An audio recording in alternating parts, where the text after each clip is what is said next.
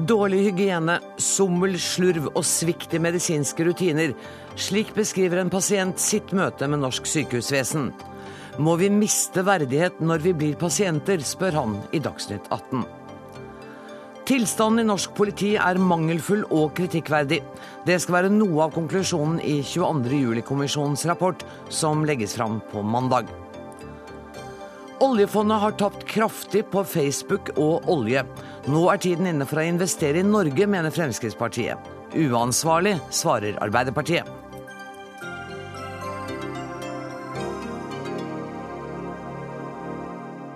Dette er noen av sakene i fredagsutgaven av Dagsnytt 18, hvor vi også skal oppsummere følgende. Ett, eller kanskje flere norske gull. Billettfiasko, doping og folkefest. Anniken Huitfeldt og Gerhard Heiberg snakker om de olympiske leker. Men aller først. Pasienter på korridorene, nyopererte uten tilgang til toaletter, Pasienter som må mase seg til å få antibiotika før operasjon, er skjemmende elementer i helhetsbildet av det offentlige helsetilbudet i Norge. Det blir på en måte en fattig trøst at vi har verdens beste sykehuspersonell, når de ikke har tid til å ta seg av pasientene sine godt nok. Kim Nygaard, du var av den oppfatning at folk var sytete hvis de kritiserte helsevesenet. Men så ble du selv pasient og da forandret du mening. Hva var det som skjedde? Ja, det som skjedde var at Jeg følte meg dårlig selvfølgelig, og gikk til fastlegen. og Hun tok en del prøver, bl.a. blodprøver som viste at jeg hadde veldig høy infeksjonsverdi. og Hun ville at jeg skulle ta en CT. og Jeg bor i Asker, så da sokner jeg til Bærum sykehus.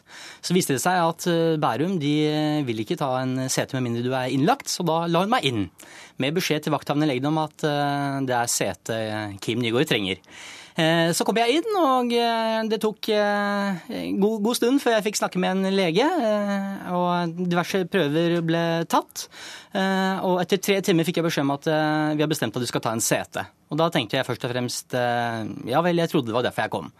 Tar det enda litt tid, så kommer man til slutt opp på, på radiologen og får tatt en CT-en og kommer ned igjen. Og det går en, ja, en eh, time eller annen hvor turnuslegen som hadde tatt meg imot nede på akutten, kom og, og sa at vi ser ikke noe galt på bildene dine, eh, så vi vet ikke hva dette her er for noe tok det kanskje en halvannen times tid til. Så kom vakthavende kirurg og sa at du har en stor eh, eh, hesteskoabsess, kalte de det, som er en infeksjon da i tarmen.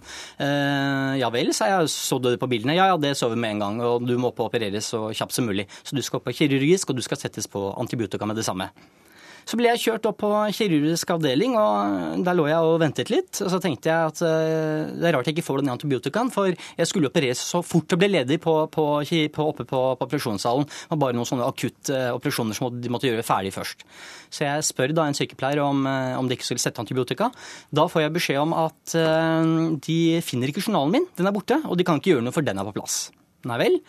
Eh, så jeg venter, og det går kanskje en halvtimes tid til. Og da tenker jeg at eh, nå, nå burde, burde, jeg vel egentlig fått en antibiotika. Og jeg følte meg ikke særlig i form heller, så jeg ville gjerne at noe skulle begynne å skje.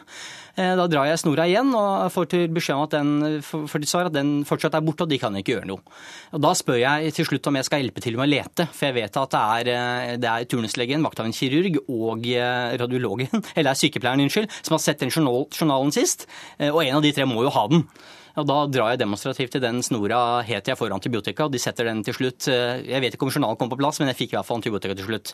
Halve posen uti, så blir jeg trillet opp eh, og blir operert, og det går kjempefint. Jeg våkner dagen etter, eh, ør og, og rar, og øh, venter veldig spent på legevisitten, selvfølgelig, for å høre hva som har skjedd, og har det gått bra, og er det noe alvorlig, og skal jeg noe mer, og alle de andre spørsmålene du, du, du stiller deg. Det kommer en lege som så vidt har tid til å hilse på og si at du blir her til i morgen. Det er viktig at dette, dette såret renses. Eh, det er det jeg får snakke med den legen den dagen. Og jeg ligger der, og det går eh, mange timer uten at noe skjer. Jeg får antibiotika i løpet av dagen, men til slutt så ber jeg om å spørre om det finnes noe epikrise eller noe, noe, noe rapport på, på, på, på, meg, og da får jeg operasjonsbeskrivelsen. Og jeg der klarer å lese meg til, til tross mange latinske ord. Jeg har med meg telefonen, så jeg klarer å google det jeg ikke skjønner. Eh, og der ser jeg det står at det, det, det såret det skal renses eh, tre ganger om dagen. Eh, og mellom første og andre gang de renser såret, så går det altså 17 timer. Eh, og da regner jeg meg frem til at dette her blir vanskelig å få til å gå opp. Mm. Du skrev om din erfaring i VG denne uka, og jeg regner med at du har fått mange reaksjoner eh, på det. Mm. Um, og Vi skal snakke litt mer om uh, ikke bare det, men generelt om helsevesenet. Men jeg må spørre deg først, Jardar Hals, som er klinikkdirektør på Bærum sykehus. Um, jeg går ut fra at du ikke kan gå inn og diskutere enkeltsaker mm. som det vi har hørt nå. Men hvordan reagerer du når du hører en pasients erfaring som dette? Jeg tror jeg reagerer akkurat slik som alle dere andre reagerer. Eh, og i tillegg da som eh, arbeidende i helsevesenet med ansvar for deler av det, så, så eh, tenker jeg at dette er jo Det du beskriver, er en type opplevelse vi ikke ønsker at noen skal dra ut fra et sykehusopphold med. Og derfor så er det ingenting annet å gjøre enn å beklage det. Og det har jeg også for så vidt gjort tidligere, men kan godt gjenta det her. Mm. Er dette en helt enkeltstående opplevelse, eller har du hørt tilsvarende historier fra pasienter? Eh, dette er helt klart ikke en enkeltstående opplevelse, tror jeg, i det norske helsevesen generelt.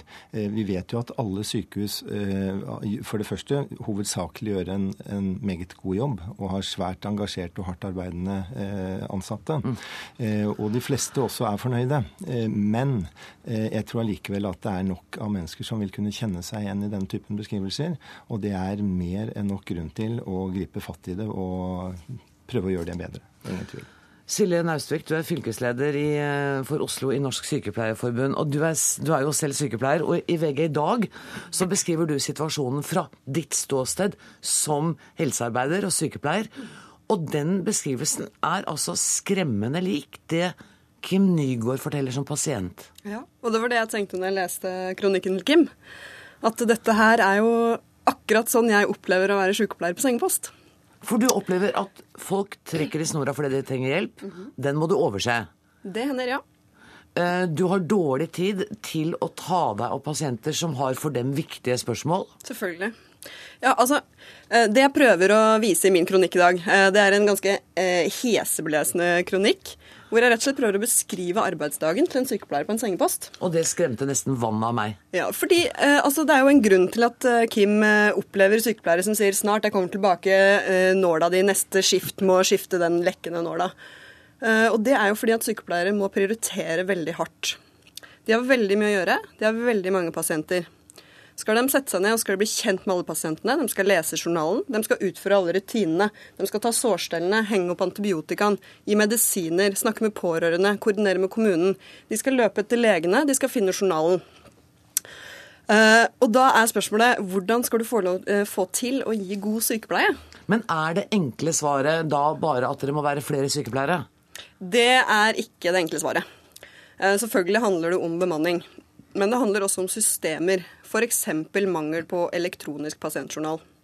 Eh, det handler om at når ingen finner journalen til Kim, så er det rett og slett fordi den er borte. Men hvordan blir den borte, lurer jeg på. Nei, ikke sant. Det er jo kanskje legen på akutten da, ikke har fått levert den opp til legen på sengepost. Og så har den eh, Der står faktisk hva slags antibiotika du skal ha. Og da kan ikke jeg som sykepleier bare gi deg en antibiotika, for det er mange ulike typer antibiotika. Da må jeg calle legen. Da føler jeg meg som en uh, maskjerring. Og legen blir forholdsvis irritert, og han sier 'det har jeg ikke tid til'. Eller så svarer han ikke på callingen.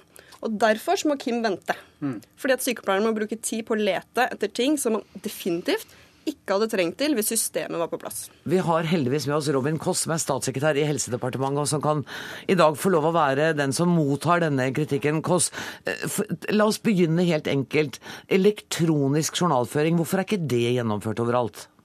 Nei, Det er en eh, stor eh, mangel i det norske helsevesenet. Det har sammenheng en del med den lovgivningen vi har eh, valgt å ha i, i, Norge, men det har også sammenheng med hvilke tekniske løsninger som de ulike sykehusene opp gjennom årene har installert. Der er det et kjempestort Eh, behov eh, for å endre det, få det mer eh, felles, kunne ha mer felles journalsystemer. For det som Kim Nygaard beskriver, er jo ikke bare en utrolig dårlig og farlig eh, behandling av pasienten, men det er jo også en utrolig sløsing med eh, ressurser.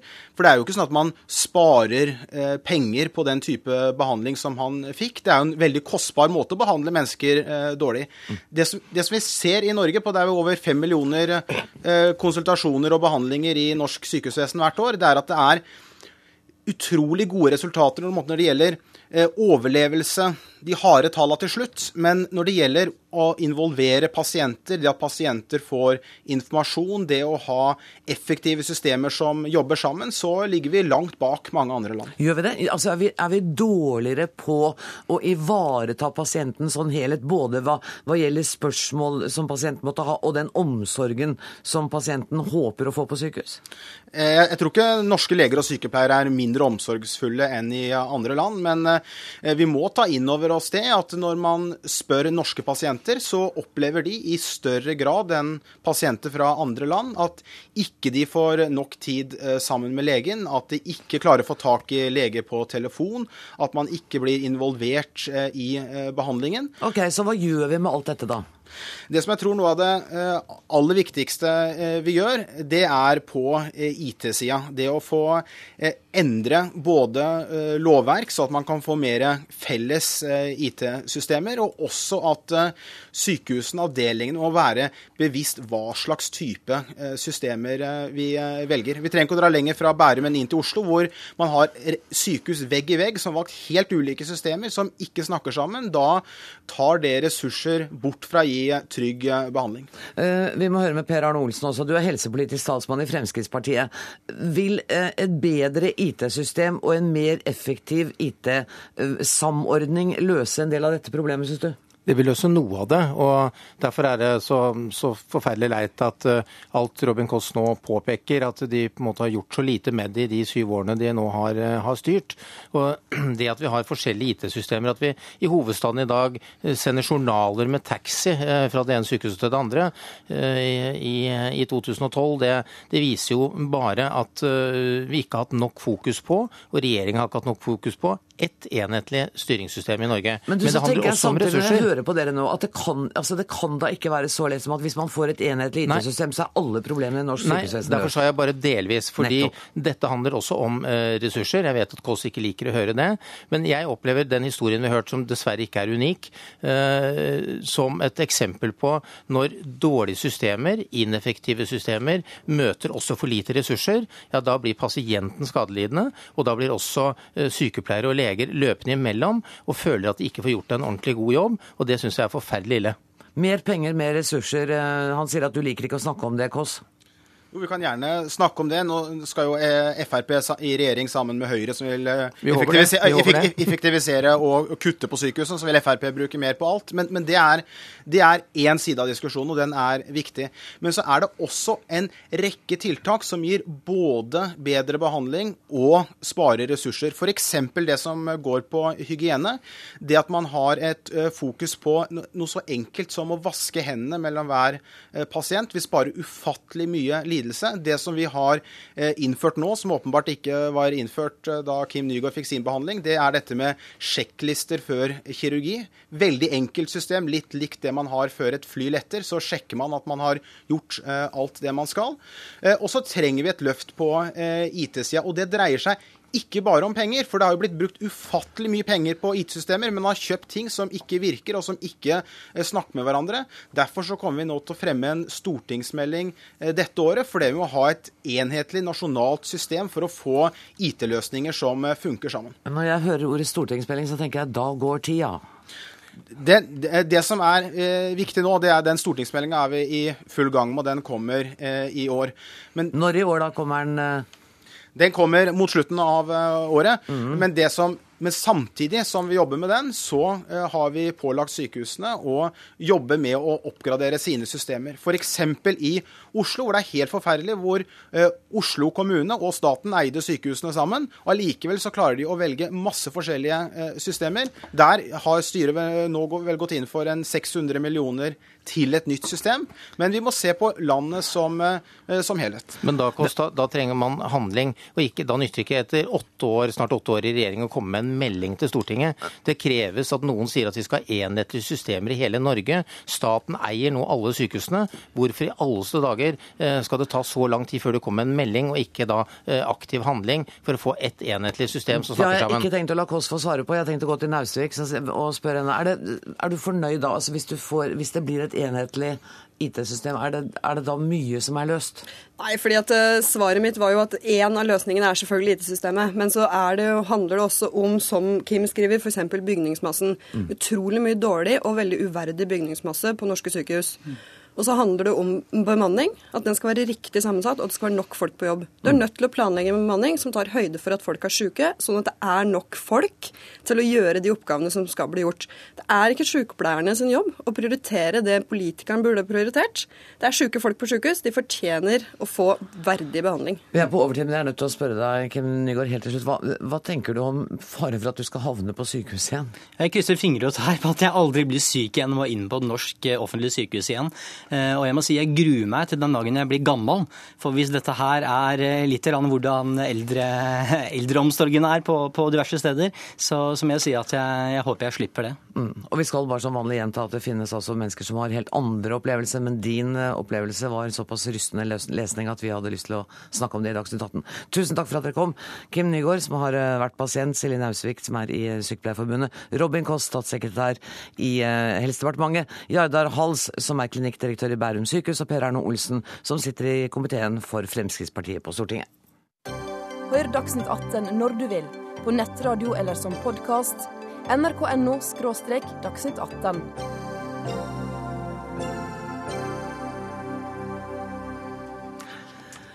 I ett år har 22. juli-kommisjonen snudd alle steiner etter svar på hva som sviktet før, under og etter terrorangrepene mot regjeringskvartalet og Utøya. Førstkommende mandag legger den fram sin rapport, og ifølge VG i dag kan vi vente oss skarp kritikk bl.a. av politiet. Elisabeth Skarsbø Moen, politisk kommentator i VG. Hva kan politiet vente seg? Det kan vente seg en eh, kritikk som går på at hele politiet er, og var 22.07. i en veldig dårlig tilstand. En så dårlig tilstand at det har overraska kommisjonsmedlemmene. Så dette blir en hard dom over norsk politi, slik vi veit i hvert fall. Gjelder det alle deler av politiet, vet du det? Eller? Ja, Det gjelder samfunnssikkerheten som sådan, det gjelder organisering. Eh, det gjelder stort sett så vil det komme ny informasjon på alle de punkter som vi er kjent med til nå, som vi har vært oppe og vridd og vrengt på i i media og gjennomgått eh, så langt, så vil det komme ny informasjon, slik vi forstår det. Og Uh, og eh, det vil være helheten i politiet, som man da mener har vært deler av, store deler av Stoltenberg sin periode, regjeringsperiode nedprioritert når det gjelder samfunnssikkerhet og beredskap. Og det kan jo se ut som øh, Nå har jeg ikke lest noe av rapporten, jeg bare har lest det dere har skrevet i dag, men det kan se ut som det er stor avstand mellom den rapporten, den Sønderland-rapporten som Politidirektoratet ja. selv la fram den 15. mars, og det som kommer nå. Ja. Og det er interessant. Der vil det også være, der vil det rett og slett være i konflikt med hverandre, de to rapportene, ifølge de kunnskapen vi har om det som kommer nå på mandag. Kyrre Nakkim, du er eh, politisk samfunnsredaktør etter deg her i NRK. Hvilke konsekvenser kan en sånn rapport få? Først og fremst må vi ha konsekvenser for hvordan vi organiserer oss. Det, rapporten ble satt ned for at vi skulle lære av det som skjedde. Uh, det betyr at uh, man må ta uh, og se på hva som står der, og så begynne å organisere samfunnet bedre på nettopp disse feltene. Det vil også få konsekvenser for enkeltindivider, selvsagt. Noen vil bli nevnt, noen vil ikke bli nevnt, men likevel så vil man kunne klart peke på hvem det er. Og så er spørsmålet da hvilke politiske konsekvenser får det? Og der er jeg mer usikker. Rett og slett fordi vi er i den rare situasjonen at Arbeiderpartiet har vært den ledende partiet i, i, i styringen av Norge siste to, siden 2005. Og det er de på mange måter som sitter med ansvaret for eh, denne beredskapen. Men samtidig er Arbeiderpartiet den angrepne part. Det er de som var offer. Og det er vanskelig for opposisjonen å gå veldig hardt etter Arbeiderpartiet når de har vært offer også. Og så er jo det, det faktum da at alle disse sjefene har gått av som ligger under. Eh, så det er ikke så mange andre å se på enn akkurat Jens Stoltenberg. Eh, og jeg er usikker på om, om, om opposisjonen tar rollen sin som eh, kontrollorgan, tar eh, opposisjonsrollen sin og faktisk eh, undersøker og graver mot, mot makta der. Eh, de har til nå ikke gjort det. Jeg Syns du ikke det? Nei, jeg syns de har vært for slappe. Jeg syns rett og slett opposisjonen ikke har gjort jobben sin som opposisjon, rett og slett for å, for, å støte noen. Her er det, må man kanskje tenke litt mindre valg, tenke litt mindre hva som er taktisk riktig, og faktisk gå etter, undersøke hva som har skjedd, og, og, og snu de steinene som, som eventuelt ligger igjen etter kommisjonen. Eh, Jeg har ikke sett det fra opposisjonen hittil, men jeg håper at de gjør det nå. Er du enig i dette, Skarsbømoen? Ja, Delvis er det jo forståelig. eh, fordi at Det er jo viktig at den rapporten kommer på bordet, at den har fakta før den starter jakta, for å si det sånn. Men det er klart at hele den der manøveren med å lage en egen komité som skulle se på dette istedenfor å bruke Den som ble ledet av ja, Hareide, ja. ja. eh, Istedenfor å bruke denne kontroll- og konstitusjonskomiteen, som jo har muligheter til at mindretallet kan ta initiativ da, på tvers av, av flertallet, og dermed reise litt mer kontroversielle saker eh, som mindretall, så er det jo, og det er jo viktig når vi har en flertallsregjering, så, så, så det var jo også en manøver som jeg mener var med på å bidra til å, å forsøke å dempe en del av kritikken. Og så sto Jens Stoltenberg da i Stortinget og sa at eh, ansvaret er mitt, sa han. Han sa det. Eh, og det var jo, ble oppfatta som et, nesten et kabinettspørsmål fra hans side av opposisjonen eh, der og da. da. Da hadde han fortsatt Knut Storberget i regjering. Men nå er det ingen mellom Jens Stoltenberg og hendelsen. Det, det er ingen fall guy lenger, som de sier i Amerika. Det er ingen til å ta den støyten. Så nå går, må det jo gå rett på Jens Stoltenberg. Og jeg ser jo ikke for meg at opposisjonen ønsker noe maktovertakelse nå. Eller De kommer jo ikke til å sparke Nei, og- statsministeren på dette? Nei, det gjør de jo ikke. Og det er også usannsynlig. Men i, hvert fall, i forhold til det vi vet nå, da, eh, så kan det ikke si at det skal i hvert fall ikke spesielt sannsynlig at Jens Stoltenberg sjøl skulle velge å gå av. Han vil nok heller forsøke å rydde opp. Og da mener jeg det er viktig å se på hva er dette systemet som vi har da, eh, i Norge som partiene er tverrpolitisk er enige om, nemlig bl.a. dette med å gi retrettstillinger med høye lønninger til f.eks. sånn som eh, Ingelin Killengren, til PST-sjefen, som nå sitter, og blant annet, som da har stort ansvar for samfunnssikkerhet fortsatt i sin rolle nå. Eh, Er det riktig at vi skal eh, ha et system som tar vare på sine tidligere statsansatte på den måten? Det er kanskje et av spørsmålene her. Som kommer til å komme opp i etterkant av dette? Ja, det har i hvert fall viktighet med tilliten til systemet vårt å gjøre. Det, ikke det viktigste er jo ikke å, å ta enkeltpersoner her. Det viktigste er ikke å ta og jakte på enkeltmennesker. Det viktigste er å finne ut hva som har skjedd, men også å se på om beslutningsstrukturer er gode nok. Eh, Det er ikke tvil om at mange har pekt på at, eh, at beredskapssituasjonen ikke var god nok i Norge. At kanskje man ikke øvde nok, at ikke eh, departementet tok oppgaven sin med å samordne godt nok. Eh, Og spørsmålet er om, om man har bare latt det få lov til å gå og gå og gå, fordi ingen har etterspurt dette godt, eh, hardt nok. Og Det er viktig å gå inn i så ikke å sørge for at man faktisk tar det ansvaret, og at det har noen konsekvenser om man ikke tar det ansvaret. Så jeg, jeg synes at det er den læringen man, som blir viktig for, for, for, det, for delen som gjelder det politiske. Eh, Når det gjelder politiet, så er det en litt annen skål. Der må den nok se på hele organiseringen sin rundt disse dramatiske hendelsene. Eh, Iallfall hvis, hvis eh, kritikken er så knusende som, som vi egentlig alle tror. Hans Petter Graver, du er professor i juss ved Universitetet i Oslo. Eh, Hvordan er det formelle her? Forplikter den rapporten som 22. juli-kommisjonen legger fram på mandag, forplikter den politikerne til å gjøre noe? Nei, formelt sett så gjør den ikke det. Altså, Deres oppgave er å klarlegge faktum, og så komme med forslag til eh, tiltak som kommisjonen mener er nødvendig for å få en bedre fremtidig beredskap. Eh, Men det er eh, oppgaven dens først og fremst altså å bringe de faktiske forhold på det rene, og så komme med forslag. Og så står politikerne fritt til å handle på grunnlag av det. Ja, for dette er ikke som en dom. Altså her kan man til og med, Det kan vel til og med tenkes at noen vil bestride faktum slik det er beskrevet i rapporten? Ja, eh, det kan godt tenkes.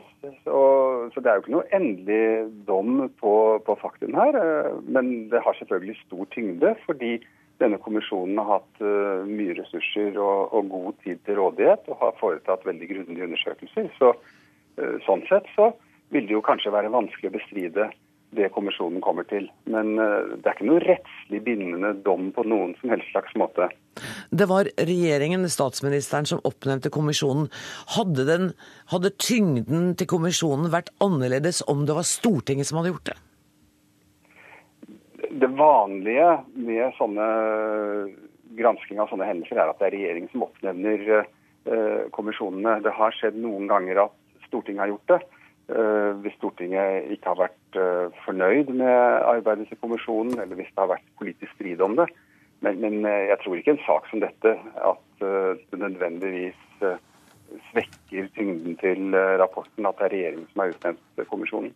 Tusen takk for at du var med, professor Hans Petter Graver Kyrenakken. Du ba om ordet under dette bare helt avslutningsvis nå. Ja, fordi det er slik at eh, Tyngden eh, til rapporten avgjøres av rapporten selv. Det ser vi på mandag. Men hvis den rapporten ikke er så god som alle forventer, hvis den ikke er tatt med nesten alt, så, det, så blir det en parodi. Det må den gjøre. Dette her er viktig at samfunnet får gjort et oppgjør med, med alt rundt 22.07. Vi satt og ventet på denne rapporten i ett år. Den kan ikke være dårlig. Eh, den kan ikke svare på spørsmålet. Det har rett og slett ikke Norge råd til. Men etter det vi vet nå, så er det all grunn til å tro at den er så usminka som det Jens Stoltenberg har bedt om, og at dette blir eh, tøft. Dette kommer til å være tema i dette studio også på mandag. Tusen takk skal dere ha, Elisabeth Skarsbø Moen, politisk kommentator i VG, Kyrre Nakkim, samfunnsredaktør her i NRK.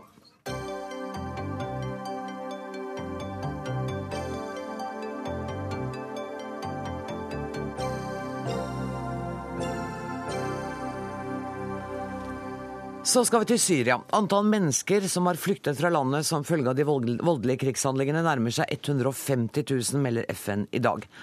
Kamphandlingene i storbyen Aleppo fortsetter, hvor opprørshæren fremdeles holder stand etter å ha mistet kontrollen over enkelte områder av sentrum i byen.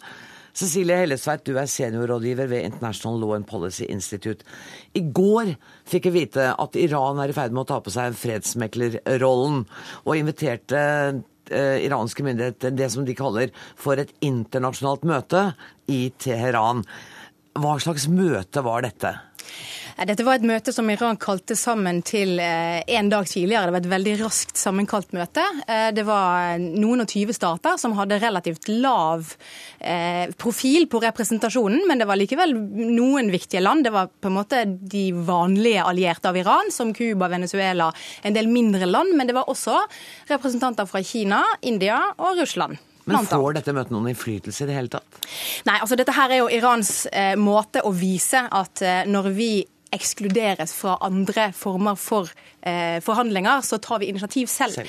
Fordi dette her er ikke første gang Iran har forsøkt å gjøre noe i forhold til Syria. Da det var forhandlinger i Bagdad om Irans eh, atomprogram eh, for eh, en tid tilbake, så foreslo Iran også at man skulle legge Syria til dagsorden, hvor alle sa nei. Eh, eller sær, særlig amerikanerne. Eh, deretter så var det slik at da Sikkerhetsrådet ikke klarte å komme frem til en ny resolusjon nylig, og Kofi Annan gikk ut og forsøkte å få til megling av alle de parter som er involvert i Syria på en eller annen måte. Da ble altså Iran ekskludert av amerikanerne. Og Det er en veldig alvorlig ting i realiteten, fordi Iran er kanskje det landet som mest av alle må være med på enhver form for forhandlet løsning i Syria. slik situasjonen er Hvorfor det, egentlig? Nei, det er fordi at Syria er et land som tar opp i seg veldig mange konflikter. Altså, på den ene siden så har jo dette med den arabiske våren, hvor det er veldig mange land og krefter som ønsker at Syria skal bli et demokratisk samfunn. Men i tillegg så er altså, eh, Iran, altså Syria et land som handler om stormaktspolitikk mellom USA og Russland. Eh, Syria representerer Sovjetunionens gamle allierte i Midtøsten. De siste årene, og særlig etter Georgia-krigen i 2008, så har Russland drevet eh, militær opprustning i Middelhavet og i nordlige deler av Midtøsten. Og det er da Syria som er utgangspunktet for den opprustningen. Og det her er det på en måte en sånn eh, skal vi si, global eh, konflikt som ligger og lurer baki. I tillegg så er det da slik at det er en akse fra Iran, Teheran, via Bagdad med Syria som, viktig, som viktigste, det viktigste leddet til Hizbollahs Libanon, som er på en måte Irans akse inn i araberverden, bort mot Israel. Og det vil si at Hvis Assad faller og Irans innflytelse reduseres, så regner man med at Israels muligheter for å gå til angrep på Iran vil være mye mindre risikofylte både for Israel, men det vil også betydelig lette USAs evne til å beskytte Israel. Fordi Da vil du ikke ha mange naboland som faktisk har rustet opp militært, og hvor på en måte angrepet mot Israel kan komme fra mange steder. Da vil man på en måte kunne fokusere det mye mer lenger bort, altså mot Iran. Og det er klart Iran vet at Syria og atomteknologispørsmålet de henger veldig tett sammen. For hvis Assad faller, så vil Iran stille mye, mye svakere i det spørsmålet. Ja, Truls Hallberg Tønnesen, du er forsker på internasjonal terrorisme ved Forsvarets forskningsinstitutt. Og De siste månedene så har det blitt rapportert at grupperinger med ideologi opp mot Al Qaida har fått økt innflytelse i Syria. Hva vet vi om det? Ja, Man vet ikke så mye, men det man ser er at det er enkelte grupperinger som da legger seg opp til Al Qaidas ideologi.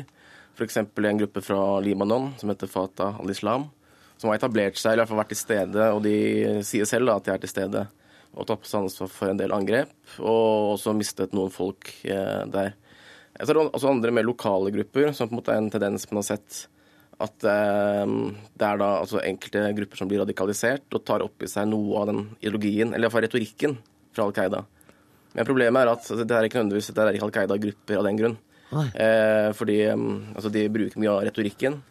Men de er fortsatt de er fokusert på kampen mot eh, regimet. Og eh, de har ingen si, internasjonale kontakter. altså Fatah al-Islam er på en måte en internasjonal gruppe. Men de andre er lokale grupper, og de vil slåss i Syria, som er formålet.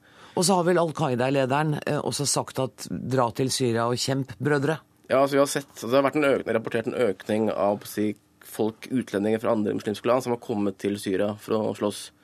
Og En del av de kommer fordi at liksom, de vil spre den arabiske revolusjonen. Det er det fra Libya f.eks., som har kommet og deltar. og da hjelper på sitt muslimske broderfolk i, i, deres kamp mot, mot regimet. Så er det også noen som tydeligvis er mer si, kommer for å slåss en hellig krig. da. Men det jeg også ser, er at disse opprørsgruppene, en del av de, de beskriver at de får, altså disse oppsøker dem for å samarbeide. Men da tar de lokale opprørsgruppene og avviser samarbeid med dem. Fordi at de på en måte ikke vil ha noe med det å gjøre, og fordi at de slåss en annen kamp enn den lokale kampen mot regimet. Men, men, det høres jo på det dere forteller meg som Syria bare er en brikke i et, et politisk mangefasettert spill som det er ganske vanskelig å få oversikt over? Ja, jeg tror at dette med at eh, det er mange uh, ulike sunnimuslimske krefter som slåss i Syria med ulik uh, motivasjon, er også tilfellet. Og Det er selvfølgelig syrerne selv, men så har du også Saudi-Arabia som ønsker å fjerne Assad fordi han representerer en Iran-vennlig, uh, et iransk-vennlig regime, som egentlig handler om en kiving mellom Saudi-Arabia og Iran. Og Det handler om Gulfen. Og så har du i tillegg da dette med at Iran og Assad er sjiamuslimer og i særlig mer ekstreme deler av den sunnimuslimske verden, altså de mer ekstreme ideologiene. Men etter hvert også litt sånn blant folk flest, så er den anti-Shia-holdningen den begynner å komme opp. Så her har vi på en måte en smeltedigel av så mange ulike regionale og også globale konflikter som kommer opp, eh, og hvor på en måte veldig mange tråder for tiden eh, ligger, altså. Og alt dette må på en eller annen måte være Og vanskelig å få oversikt over. Ja. Men, men uh, Tønnesen, er det sånn at det at Al Qaida-lignende ideologier nå uh, strømmer til Syria og får grobunn der, det, betyr det at de også kommer til å være en maktfaktor den dagen regimet faller? Altså det man, som man ser i dag, er at de, de, de, prøver så langt de kan å samarbeide med, eh, med, med opprørsstyrkene i, i, Syria. Og de, måte, de, de prøver å tilpasse de, og fordi at de har felles mål, kampen mot regimet. Det er eventuelt når det nærmer seg at regimet faller, eh, at det kan oppstå altså Hele opprørsbevegelsen er jo ganske fragmentert, og det er ulike ideologier. og Nå er de ganske nedtonet. så det er eventuelt når det nærmer seg et fall for regimet, at det kan oppstå noen eh, konflikter. Det har vi jo sett i Irak, f.eks. Så var det mye konflikter mellom Qaida og lokale opprørsbevegelser. Dette kommer til å være mye å snakke om. Vi er nødt til å sette strek der, men helt sikker på at jeg kommer til å invitere dere tilbake. Tusen takk skal dere ha, Cecilie Hellestveit, seniorrådgiver ved International Law and Policy Institute. Truls Hallberg Tønnesen, forsker ved Forsvarets forskningsinstitutt.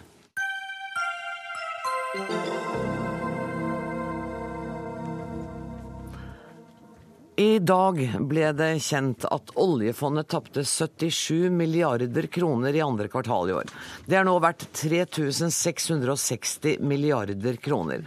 Men fortsatt går det svært godt for Norge. I løpet av fem år med finanskrise har hver eneste nordmann økt formuen sin i oljefondet med 325 000 kroner. Per Valbrokk, redaktør for E24.no. Eh, velkommen hit. Vi har altså tapt 77 milliarder i andre kvartal. Det er mye penger? Ja, det er jo veldig mye penger. I oljefondsammenheng så er det jo ikke fullt så mye. Det er ca. 2,2 av eh, oljefondets verdi. Eh, men ja, det er veldig mye penger. Er det en fornuftig forvaltning det vi ser av oljefondet i dag? Jeg tror i all hovedsak så er det det. Eh, det som forundrer meg og mange andre, er at oljefondet er så opptatt av å bedrive såkalt aktiv forvaltning. Altså der de går inn og gjør seg opp en tydelig mening om hvilke aksjer og obligasjoner som er gode å investere i, og hvilke som ikke er det. Mm. Det kan være vanskelig nok hvis du har en liten portefølje, men hvis du har en portefølje som er så stor som oljefondets og blir større og større for hver dag, så er det en meget omfattende oppgave og ganske vanskelig jobb å slå markedet. Mange vil si umulig å mm. slå markedet. Og så bommer det jo noen ganger. Verdien på Facebook-aksjene har f.eks. blitt halvert. Mm. Er det bekymringsfullt? Nei, det, man kan ikke gå rundt og bekymre seg for sånt. Altså, det er klart at Med oljefondet så blir det store summer. Og hvis du er i aksjemarkedet, så må du regne med at enkelte aksjer faller kraftig. På den annen side så må du jo også regne med, eller i hvert fall håpe på at enkelte aksjer stiger kraftig. Men du kan ikke gå rundt i en konstant lykkerus av den grunn fordi noen av dine aksjer stiger. Du må jo prøve å ha et langsiktig og profesjonelt forhold til, til forvaltningen av den porteføljen. Og det men, tror jeg oljefondet i all hovedsak, hovedsak har også. Mm. Men, men, når du sier uh, at det kanskje overrasket deg litt, eller hva du sa, at, at, de er så aktive i forvaltningen, mm. hva hadde alternativet vært? Hva kunne de ha gjort i stedet? Alternativet hadde vært altså, veldig forenklet sagt å overlate til datamaskiner å kjøpe og selge obligasjoner og aksjer for å være et speilbilde av finansmarkedet. At du har omtrent Eh, at din portefølje er omtrent lik eh, aksjemarkedet og omtrent lik obligasjonsmarkedet. Mm. Det kan i all hovedsak datamaskiner gjøre. Og det du trenger er programmerere og ingeniører, og ikke så mye økonomer. Det er fullt mulig. Men da ville du ikke fått de store svingningene? Jo, det ville du fått. Du ville, definitivt fått store svingninger. Ah, ja. Så det ville vært like Men du hadde nok sannsynligvis spart ganske mye penger på bonuser og lønn til, til godt gasjerte forvaltere. Du kunne redusert hele forvaltningsstaben? Ja, jeg, jeg, har ikke på stående fot oversikt over hvor stor sum det er. Men altså, vi snakker nok fort om noen milliarder i året i ren forvaltning. Både når det gjelder lønn og administrasjon av dette, og ikke minst bonusene, som jo utgjør fryktelig mye penger i finansbransjen. Det har vært artig å høre hva Slyngstad hadde ment om dette, men vi har invitert ham. Han kunne dessverre ikke komme i dag. Kristian Tybring-Gjedde, du er medlem av finanskomiteen på Stortinget for Fremskrittspartiet. Hvis jeg skulle si at jeg kjenner deg rett, så ville du foreslått at vi skulle bruke litt av disse pengene? Ja, jeg mener jo det. Og Fremskrittspartiet mener at det er fornuftig å investere mer i infrastruktur i Norge. Eh, vi får hele tiden høre at eh, det er uansvarlig. Vi mener faktisk det er veldig ansvarlig å investere i vei og bane og kommunikasjon og eh, sykehus og det som er infrastruktur. Og jeg vil gjerne ta en parallell til ditt eget hus.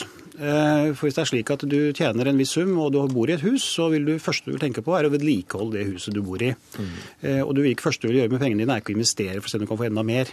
Eh, så det man burde gjøre, er selvfølgelig å investere i det man trenger i Norge, slik at vi kan skape nye verdier og ny vekst i norsk økonomi. Det som skjer i dag, er at man eh, lar være å investere. Eh, vi får stadig flere mennesker som går på offentlige overføringer, på trygd. Folk blir passifisert, skoleverket blir dårligere. Folk blir rett og slett bortskjemt av de pengene vi sparer, for vi får hele tiden høre at vi har så mye penger på bok.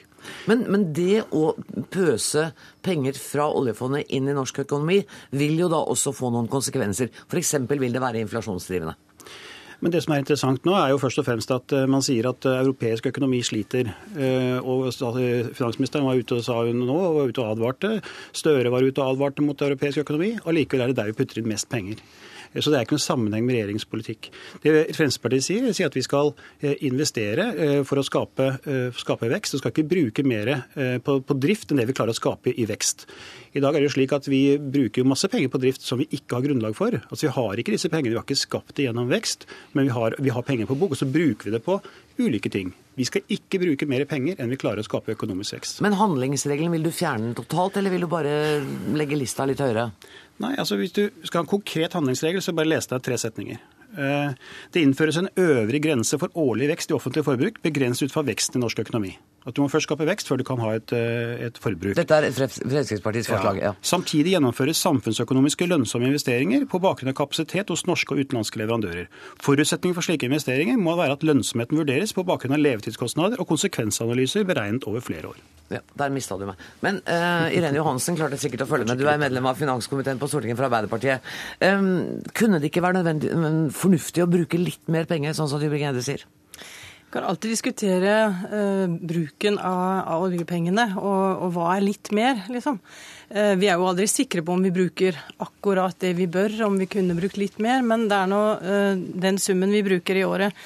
Altså, vi har fått et klart råd, og det er å ikke bruke mer enn eh, det som handlingsregelen tilsier. den men den har jo ikke vært forandra på elleve år?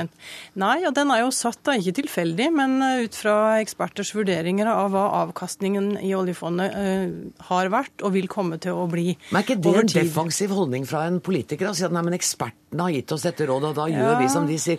Hva med å liksom tenke litt kreativt og selvstendig her? Ja, og det gjør vi jo. For de, de sier jo ikke at vi skal bruke 4% Inntil 4% som pluss-minus. Og det kreative i det altså For det første så ønsker vi å, holde, å, å, følge det rådet, fordi vi ønsker ikke å sette norske arbeidsplasser over styr. Eh, som eh, programlederen var inne på, så kan jo økt oljepengebruk eh, skape press i norsk økonomi og en høyere kronekurs, press på renta osv., som igjen kan ha konsekvenser for arbeidsplasser. Så vi ønsker ikke å, å gå utover handlingsregelen. Det skjønner jeg, men Tybring-Gjedde sier at det skal altså ikke brukes mer penger. Man skal skape verdiene først, så skal det brukes penger. Ja, og da er, er jo ikke faren for arbeidsplasser til stede. Men vi, vi, gjør jo det i dag. Vi skaper jo verdier.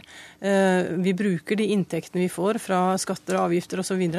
Samtidig så skapes det jo verdier i oljesektoren. Vi får inntekter fra olje- og gassektoren som vi bruker eh, inn i, i eh, budsjettene i dag. Så vi, vi, ønsker altså å følge de ekspertrådene vi får. Jeg er ingen økonom, men en politiker, og jeg ønsker selvfølgelig å bruke mest mulig penger. Og det gjør vi innafor en ansvarlig ramme. For det andre så må jeg bare si også Men det må jeg gi ordet til Valbrok, da. Ja, hvis jeg bare kan skyte inn et par ting uten å kaste meg altfor mye inn i den debatten som pågår mellom to politiske partier. Men bare for å si et par ting. Det er jo sånn at de, de pengene, oljepengene vi faktisk bruker og tar inn i statsbudsjettet, det er jo penger vi har skapt før vi bruker dem. Så det, jeg skjønner ikke helt logikken til Fremskrittspartiet i det tilfellet. Og, det, og så vil jeg bare sette litt i perspektiv også. Det er 1 milliard kroner som kommer inn i oljefondet hver dag fra Nordsjøen. Rett inn i oljefondet. Hva skal man bruke alle pengene på? Det lurer jeg på. Det er jeg til gode å høre. Du kan godt bygge mange veier, men når veien er bygget, så, så slutter jo ikke den veien å koste deg noe. Du skal måke den, du skal utbedre den, du skal salte den. Veier koster etter at de er bygget også. Og det syns jeg er et perspektiv som er greit å ta med. Ja, det, her, det, overrasker meg. Det er en økonom mot en annen økonom. Altså, Sverige tar et eksempel som Sverige. Som du må faktisk, gjøre dette kort, altså. Ja, Sverige har altså, ingen penger på bok. De bruker mye mer penger på vei, på infrastruktur, på samferdsel enn det Norge gjør. For å være konkurransedyktig, for å produsere varer og kunne levere dem over i hele europeisk kontinent og andre steder i verden. Men vi gjør ikke det. Norge er et av verdens mest konkurransedyktige land. Overhodet ikke det. Det er, den, den, det er en klisjé. Og, og, vi har også snart 20% av befolkningen som går på, på, på trygd. Altså Hvis du mener at det er konkurransedyktighet, det er faktisk ikke det. Og vi har et skolevesen som ikke gjør det bra, men gjør det svært dårlig på mange områder. Vi Nå skal vi være ordentlig gode venner på fredagskvelden. Dere må fortsette denne diskusjonen diskusjonen utenfor studio. Jeg må si takk til Per Valbokk, Kristian Tybring-Gjedde og Irene Johansen.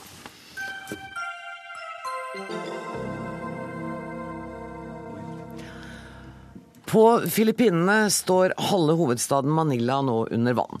Minst 60 mennesker har mistet livet, og to millioner mennesker trenger hjelp etter at kraftig regnvær har skapt den verste flommen på flere år.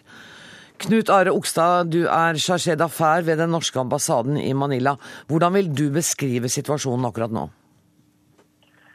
Ja, etter at vi i dag hadde oppholdsvær, var det jo mange Men uh, nå i kveld så har uh, regnet flytta igjen, og vi hadde mange, mange tordenbyger. Uh, men det er to halv million mennesker nå er direkte ramma, og det er rundt eh, en halv million mennesker som lever i ulike evakueringssentre. Knut Are Rogstad, vet du hva? Eh, telefonlinjen er såpass dårlig. Eh, bare heng med oss, vi prøver å ringe deg opp igjen og få en bedre linje. Eh, jeg skal prøve å oversette det jeg hørte at du sa, nemlig at det har vært oppholdsvær. Det har begynt å regne igjen, men en halv million mennesker er altså i veldig behov av hjelp nå, så vidt jeg, hvis jeg hørte deg riktig. Line Hegna, da snakker jeg litt med deg så lenge. Du er kommunikasjonssjef i Redd Barna. Hvordan er den humanitære situasjonen i, i Filippinene nå? Den er svært vanskelig. Eh, og som eh, vi så vidt hørte, så var det over 500 eh, 000 mennesker som bor i evakueringssentre. Men det er altså over to millioner mennesker som er ramma.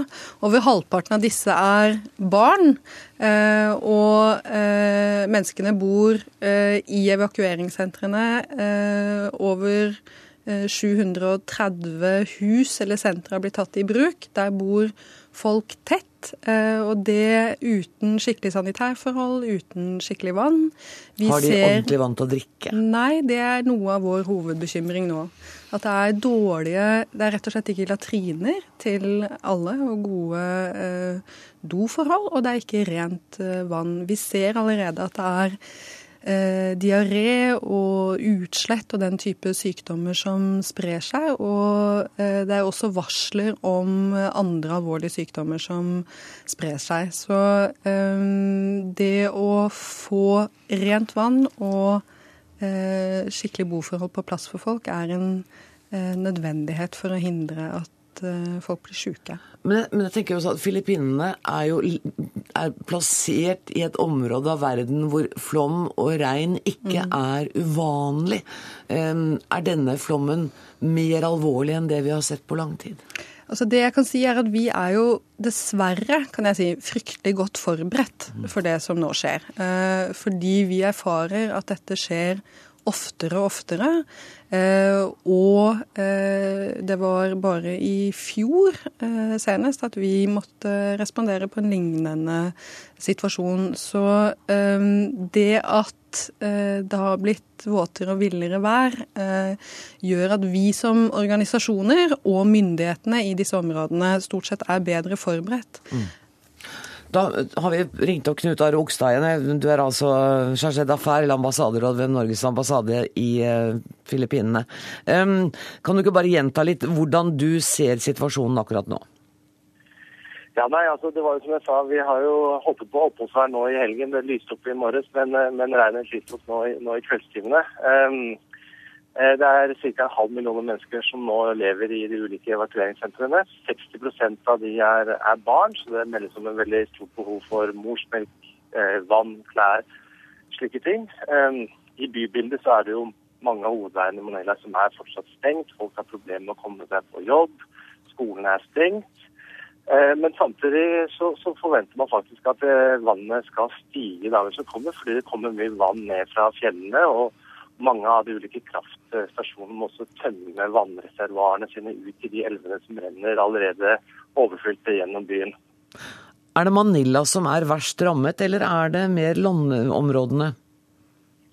Det er, det er hele Luzon, altså dvs. Si mm. hovedøya på, på Filippinene. Men, men, eh, Manila har jo fått det ganske ille. Eh, så, så, det er egentlig alle, alle, de ulike bydelene i Manila som på et eller annet vis har fått det. Men det er klart at det er der hvor elveløpet går gjennom byen, hvor det er verst. og Det er typisk også et område hvor mange fattige bor, og som, som også blir rammet veldig veldig hardt når, når, disse tingene skjer. For det skjer ganske ofte, faktisk. Mm. Vet du noe om situasjonen for nordmenn eh, i området? Altså, Vi har jo hatt eh, en eh, forhøyet beredskap her på ambassaden, men vi har faktisk ikke fått noen meldinger fra, fra nordmenn her på Filippinene som har, som har vært direkte rammet av, av, dette her og har trengt hjelp fra, fra vår side. Hva slags bistand kan ambassaden gi dersom nordmenn skulle trenge hjelp? Ja, Det er jo litt forskjellig og litt avhengig av hva man, hva man, trenger hjelp til. Men det jeg vil si først og fremst er jo at man må sørge for at man har en reiseforsikring. Mm. Og så anbefaler vi alle som reiser til utlandet generelt, men Filippinene også spesielt, at, at, man registrerer seg på det som heter reiseregistrering.no. Mm. Eh, det betyr at man kan få kontakt med nordmenn i området veldig lett. At Utenriksdepartementet kan sende sine meldinger til nordmenn hvis, det noe skulle være mm. har skjedd. Mm. Og det du sier er altså at det fortsatte å regne, og at det er meldinger om at eh, vannstanden kan eh, komme til å stige. Tusen takk for at du var med i Dagsnytt 18 seint på kvelden på din tid, Knut Are Okstad, chargé d'affaires ved den norske ambassade i Manila. Line Hegna, det virker som om Redd Barna fortsatt har mye, mange oppgaver i Filippinene? Ja, vi har det. I en situasjon som den vi ser i Filippinene nå, så jobber vi på ulike spor. Eh, og det første vi gjør, og som vi allerede er godt i gang med, er å dele ut eh, de helt eh, nødvendige, essensielle sanitærting og husholdningsting. Folk har jo flykta i all hast Mm. og har mista alt de eier og har. Folk trenger varme klær og soveposer. Og morsmelkerstatning, Eh, som vi hørte. Og morsmelkerstatning. Og Mm. helt, vi deler da ut utstyr til helt nyfødte, er det også stort eh, behov for. Mm. Så er det også ting som man glemmer ofte i sånne situasjoner, og det handler om eh, beskyttelse av barn. Mm. Barn som bor i trange, overfylte evakueringssentre. Og der har vi sikre rom eh, for barn, hvor de kan eh, prøve å få en normal eh, smak av en normal hverdag i en veldig kaotisk situasjon. Takk skal du ha, Line Hegna fra Redd Barna.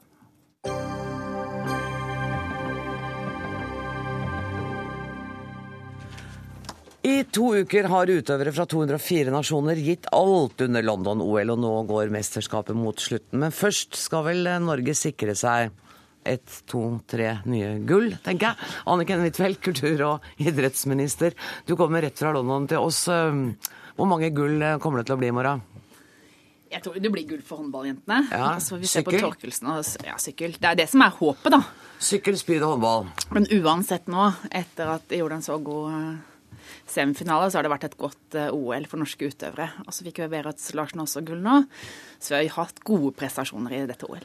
Du ser litt gira ut ennå. Har det vært så gøy? Ja, det har jo vært en folkefest av dimensjoner og et trøkk på stadion som de som har vært på mange idrettsarrangementer, sier de aldri har opplevd før.